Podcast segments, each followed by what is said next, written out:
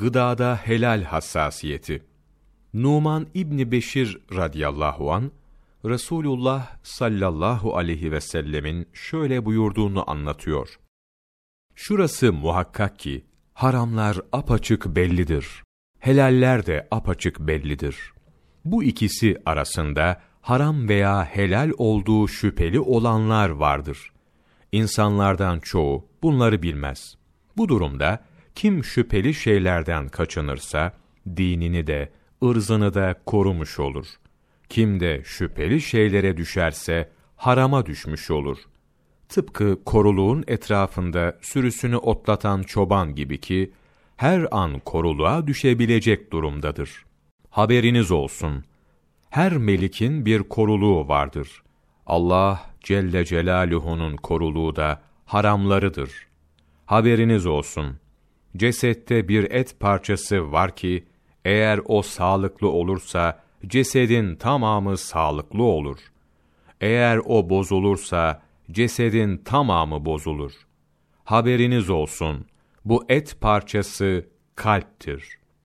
Hadis-i şerifteki beyanın aksine, günümüz Müslümanları, ne yazık ki helal kavramını helal kazanca, helal gıda kavramını ise Müslüman birinin hayvanları besmeleyle kesmesine indirgemişlerdir. Gıda meselesi aslında ümmetin en önemli imtihanıdır.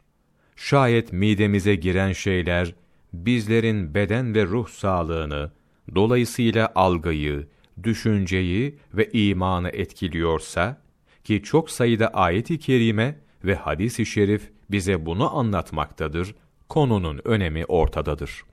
İçilmesi haram olan alkolden, kolonyada da bulunduğu için, eline ve elbisesine dokundurmaktan çekinen insanlara ne oldu da alkol karışan içeceklere, bu kadar alkol, meyvelerde de bulunur şeklindeki şeytanın sloganına sarılır hale geldiler.